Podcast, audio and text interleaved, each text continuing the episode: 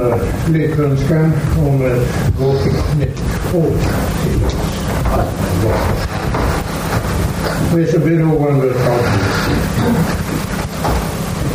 de ord som har lagts för mig idag, det finns i Matteus evangeliet i de sista stroferna där i eh, det sista kapitlet alltså. Se, jag är med er alla dagar. Se, jag är med er alla dagar. Den orden är mycket korta, men jag ska uttrycka den med det att jag vill citera vad han har skrivit tidigare, aposteln Matteus själv. För han eh, började med det.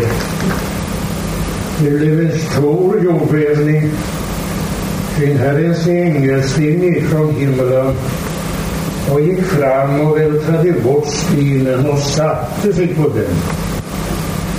Och han var att skåda såsom en djungel och hans kläder voro vita såsom snö och väktarna skälvde av förskräckelse för honom och blev såsom döda. Men ängeln talade och sade till kvinnorna var en icke förskräckta. Jag vet att ni söker Jesus den korsfäste. Han är icke här, ty han är uppstånden såsom han hade förutsagt kommer och ser platsen där han har legat och gå så och med pass och sägen till hans lärjungar att han är uppstånden från de döda och att han skall före er gå till Galileen. Där skulle ni få se honom. Jag har nu sagt det. Och de gingo med hast bort ifrån graven under fruktan och med stor glädje och skyndade åstad för att omtala det för hans lärjungar. Och se, då kom Jesus emot dem och sade helgeder. Och de gingo fram och fattade om hans fötter och tillbad honom. Då sade Jesus till dem, frukten icke. Gå och staden omtalen detta för mina bröder och det att de må gå till Galileen, där skola de få se mig. Han har lagt märke till i sammanhanget som jag velat understryka. För eh, det framkommer eh, detta att han var med. Men han var med till och med i förväg. Före. Vi har en viss eh, uppfattning ibland att vi måste be Jesus att han ska komma. Och det är väl ingenting fel i det, för det finns en hjärtans åtrå att så må ske, att han må vara tillsammans med oss. Men kom Jesus.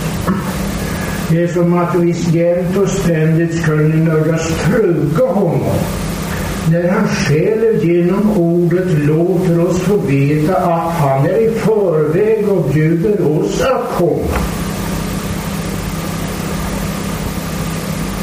Och får vi bara vår tanke riktigt eh, klar i det här förhållandet så ska vi finna att varhelst vi samlas i hans namn, där är han med och mitt. Av vilken anledning? Jo, genom det att han har gjort en utfästelse. Se, jag är med er. Vilken utfästelse. Och det må jag må säga när jag själv vill försöka att gå in i det sammanhanget så ska jag finna att det här ger mig en trygghet. Och det ger mig en styrka i säkerhet att han är den som helt enkelt har ordnat min livsvandring så så att han går före och jag får gå efter. Och är det så att jag verkligen utnyttjar detta ska jag finna att det är ju en styrka att veta att han är starke är den som helt enkelt hjälper mig, den svaga, att kunna vinna seger i mitt liv. Hur skulle det gå? Om det bara vore jag som skulle kämpa skulle jag gång efter annan liksom stanna inför spörsmålet vågar jag? Vågar jag? Vågar jag gå på svag is? Vet om jag är osäker. Men är jag säker så vågar jag. Och då skulle jag bara säga så här att varning för svag is Eh, det bör man ge mitt i sommaren åt folk som har för vana att trotsa farorna och menar jag vågar vad ingen annan vågar. Men är det så att jag vet att före mig går en som har undersökt isens förhållande, dess bärkraft, då vågar jag gå på men det kanske knakar ibland. För den var inte starkare än att den nätt och jämnt kanske var. Men den, jag vågar. Som pojke lyssnade jag många gånger till män som hade varit ute i sälfångst. Och deras liv ute på isen av vintertid ifrån början av mars månad till fram emot midsommar. Det var ju en farofull tid. Att tänka sig att stanna på ett isflak och invänta att isen skulle slå brygga emellan två flak vilket jag skulle komma ifrån det ena till det andra. Och så även ta mig över nattis. Låt vara att de hade sin långa skida som de hade ett särskilt namn på. Skridskor. De lade sig på huk och arbetade sig fram i den svaga isen. Det var för de hade någonting de liksom räknade med. Det ska gå. För vi har undersökt bärigheten genom det att vi slog vår isbil genom isen. Det ska kunna med. Men olyckan kunde vara framme. Så var det med en socknebo.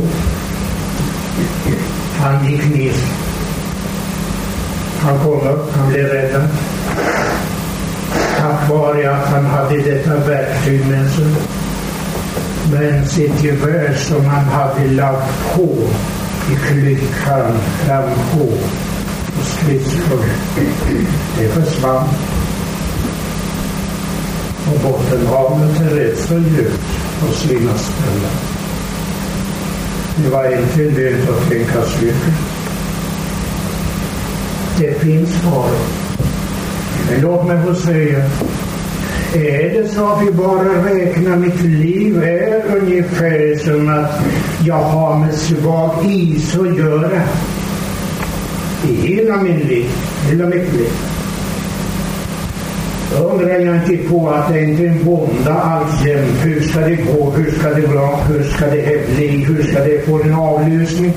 Och så är det oändliga spörsmål som jag måste säga.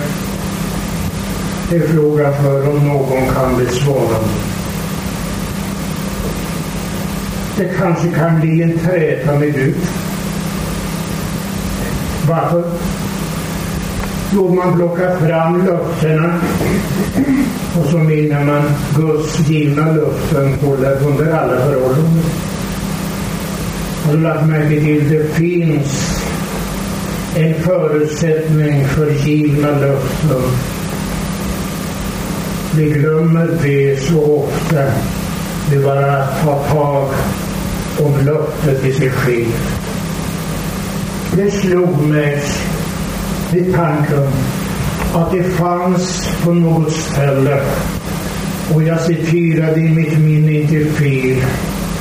Men jag tänkte det är Paulus som ändå är den skyldige när han talar om att vem är den människa som vill träta med Gud?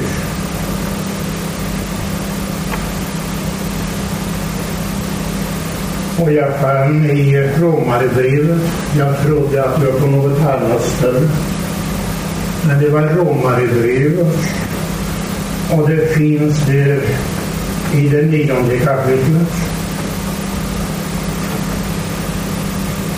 Och jag läser här, det finns i den tjugonde versen, jag läser också den nittonde. Nu tog du seger till mig vad har han då att förebrås? Kan väl någon stå emot hans vilja? O människa, vem är då du som vill träta med Gud? Inte skall verket säga till sin mästare, varför gjorde du mig så? Har inte krukmakaren den makten över livet att han av samma lerklump kan göra ett kärl till hedersamt bruk, ett andra till mindre hedersamt. Och det står såsom människor med det att vi är en personlighet och vår personlighet måste få vila under hans kontroll. Den är bättre där än min egen kontroll. Jakob talar om i sitt brev när det gäller om tron att det finns de som spottar på fingret och sätter det i luften och smenar varifrån blåser vinden.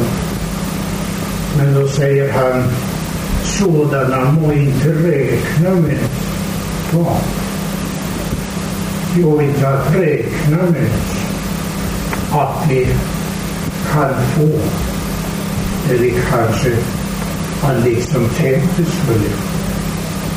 Vart vill jag komma? Jo, jag vill bara säga detta. O, hur tryggt det är att jag vågar gå efter hans ord.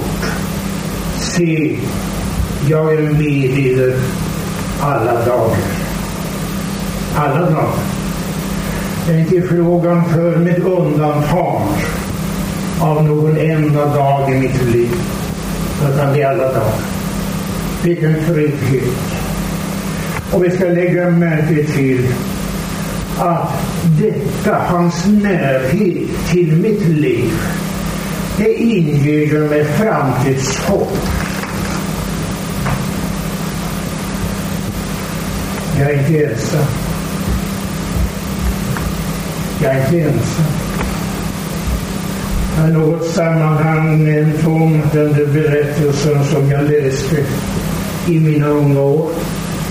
Den skulle ha inträffat i Dalarna-området något ställe. Jag har inte, det fanns inte namn angivet var det hade inträffat. Men det talades om den gamla tanten som satt i en liten stuga inne i Danaskog. Så kommer två sportliga män och så resonerade på sitt sätt att tänka att bo så här djupt himmelskt, vad det ska vara ensamt och tråkigt. Vi måste rakt gå och knacka på och se vem som kan bo på slottets tält. Och vi gjorde slag i saken. Vi knackade på och fick ett ord. Varsågod, stig in. Och där möter din åldrig kvinna. Och så mycket mer hade det väl orsak att börja öppna sig till samtal. Ja, men det måste väl vara tråkigt och boxigt. Och det har väl sina besvärligheter och att ni kan, att ni kan båda. Men gumman avslutade samtalet och sa, men mina herrar, ni har allt tagit fel. Och ni trodde att ni hörde fel så ni började upprepa i sitt samtal om besvärligheten och något jag har. Nej, mina herrar. Hon använder det uttrycket som kallar för helvete. Först och främst är jag inte ensam. Ja, men visserligen Ja, det tar allt. Jag är inte ensam. Jag har Fadern. Jag har Sonen. Jag har den helige Ande. Och med de tre så är vi fyra stycken. Alltså jag är inte ensam, mina herrar, ni tar allt. Och ledsamt var jag inte med mina gäster. Nej. Man är alltid ledsamt med Emma står inför årsskiftet och man följer vad framtiden i sitt skytte. Ja, vad vet jag? Jag vet inte ens hur dagen ska avslutas. Vi lever till synes i trygga förhållanden och jag tror, jag hoppas att det inte finns fara vid knuten idag. Men vi har ingen garanti för att det inte skulle kunna ske olika för oss som det har skett för andra människor. Pratskåpet, radion kunde meddela. Ja, vad kunde det meddela då? Ja, först och främst, det har ju inte varit större oro än till synes någon gång för Men, så kommer ett. Det fanns ändå dödsfall, man har stuckit ihjäl varandra.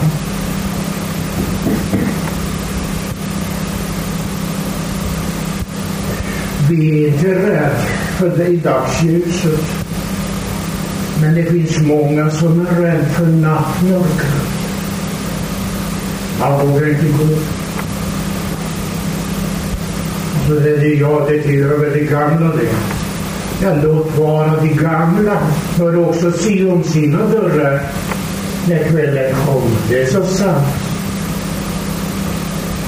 Men i minnet rinner mig en händelse. Vi hade i hemförsamlingen besök av två evangelister. De var unga. Och det var inget fel. Så hade vi möte, kvällmöte i en liten avsides by. Och måste gå genom ett skogsparti för att komma dit. Och den ena hade sig för hon kom och trängde sig emellan så vi blev tre som gick i bredd på vägen. Och vi som gick till så sa men hade hon hade ett visst namn, jag skulle kunna säga det, men ja, jag vill avstå. Namnet spelar inte in. Ja, men du är väl inte rädd här? Vi var ju fem, sex stycken härifrån.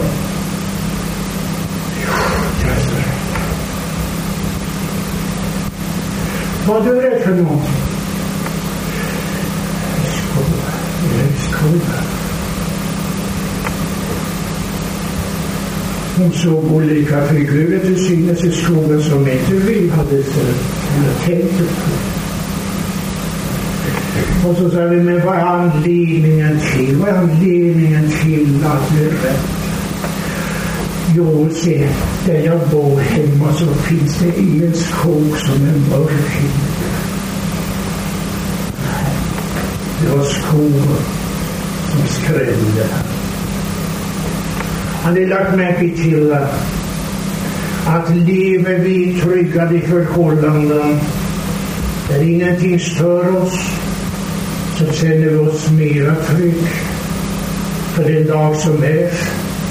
Men lever vi i förhållanden där oron kanske gör sig lite gällande, mer eller mindre, så är frågan för om vi inte känner detta närheten av någonting som ger mig fasthet och trygghet.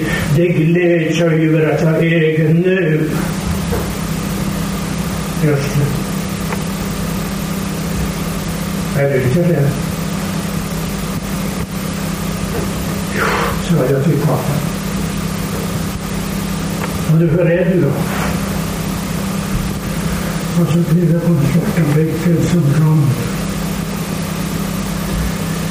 Här hemma vid hade vi inte en svart bäck som är öppen under årstiden. Han satt ner i huskrinnan på botten för när vi skulle åka efter en hyr åt en man som inte hade någon häst. Han skulle hjälpa till. Och så kom vi till den bäcken.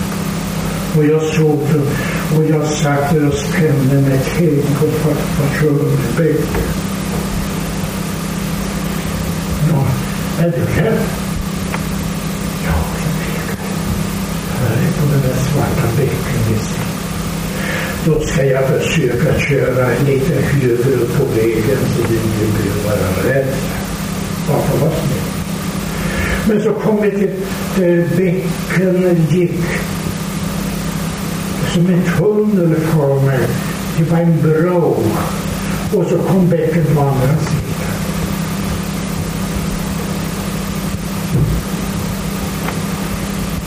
Har vi vår upplevelse i livet så har vi funnit att det finns moment som kan störa oss, vilka vi ler åt efteråt och tänker, men hur kunde jag vara så enkel och barnslig?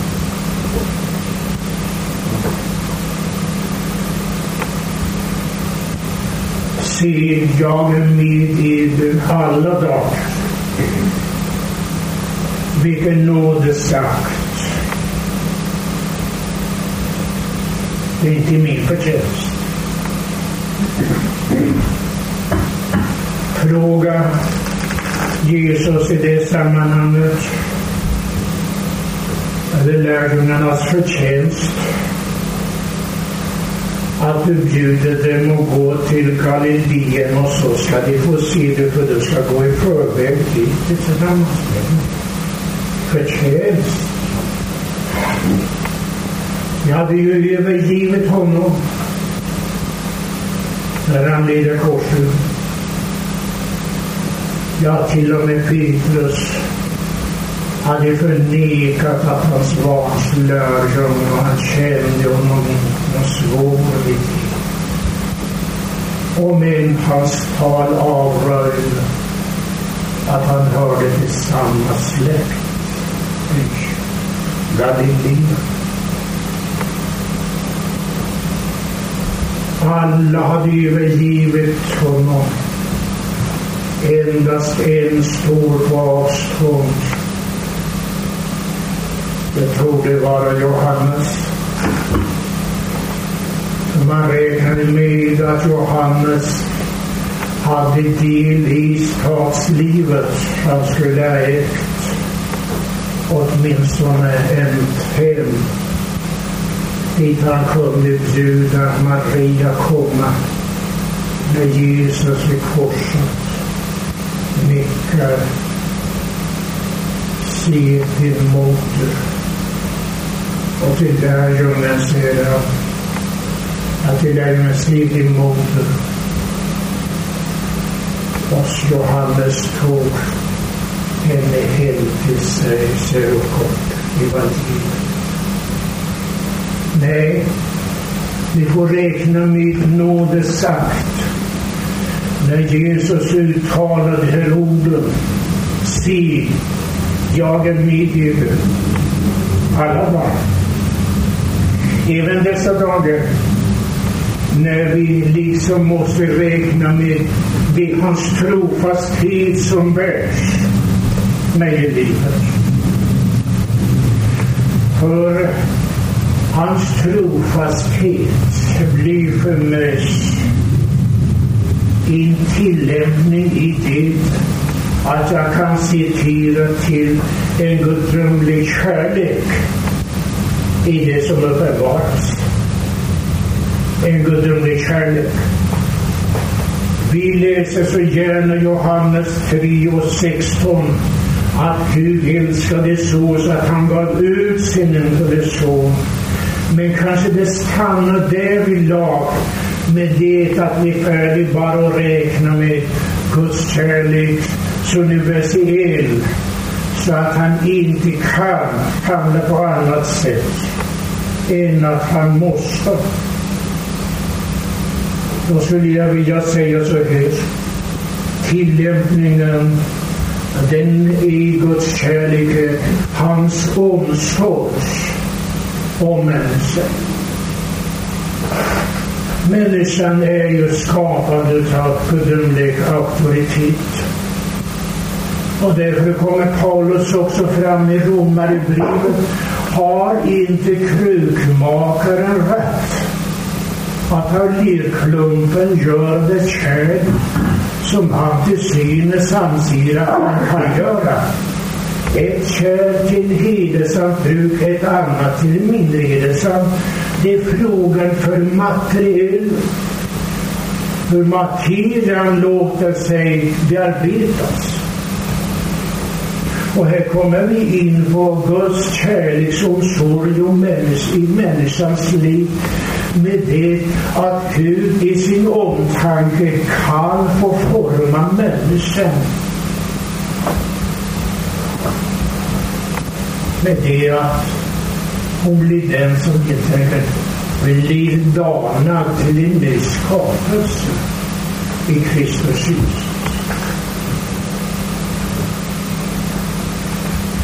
I ett rum ligger den sjuka människan. Besökaren kommer in i liksom förrummet och hör att den sjuke samtalar. Undrar om det fanns besök stanna till.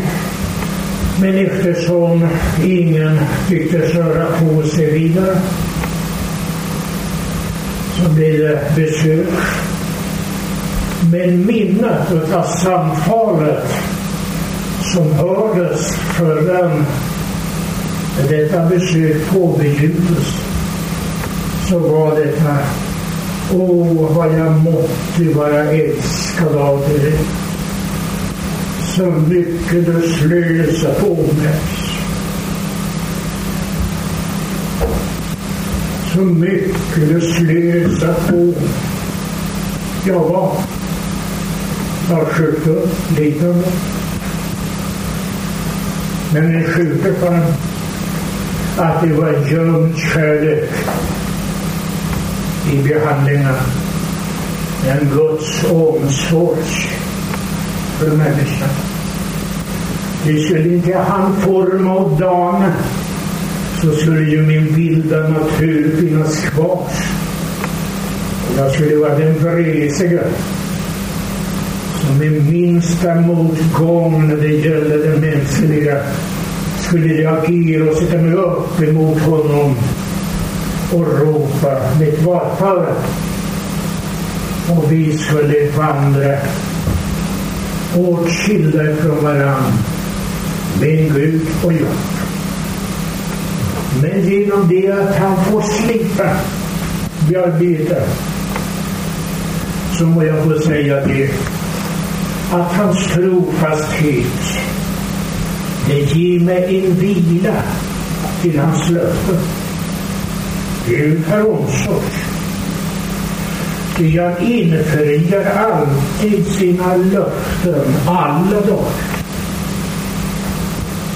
alla dagar. Vi får upphämta ifrån honom det vi behöver, timliga och andliga och finna att Gud har vård om det ringaste lika väl som man tar vård om naturen i sin helhet. Lärjungarna fick höra Se på fåglarna, syn på liljor. Siver den ene inte sår och inte planterar, men Gud föder till.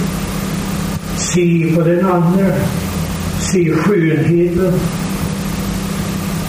Och ju mera du studerar naturen, desto mera ska du bli intagen av Guds mångfald i det som finns.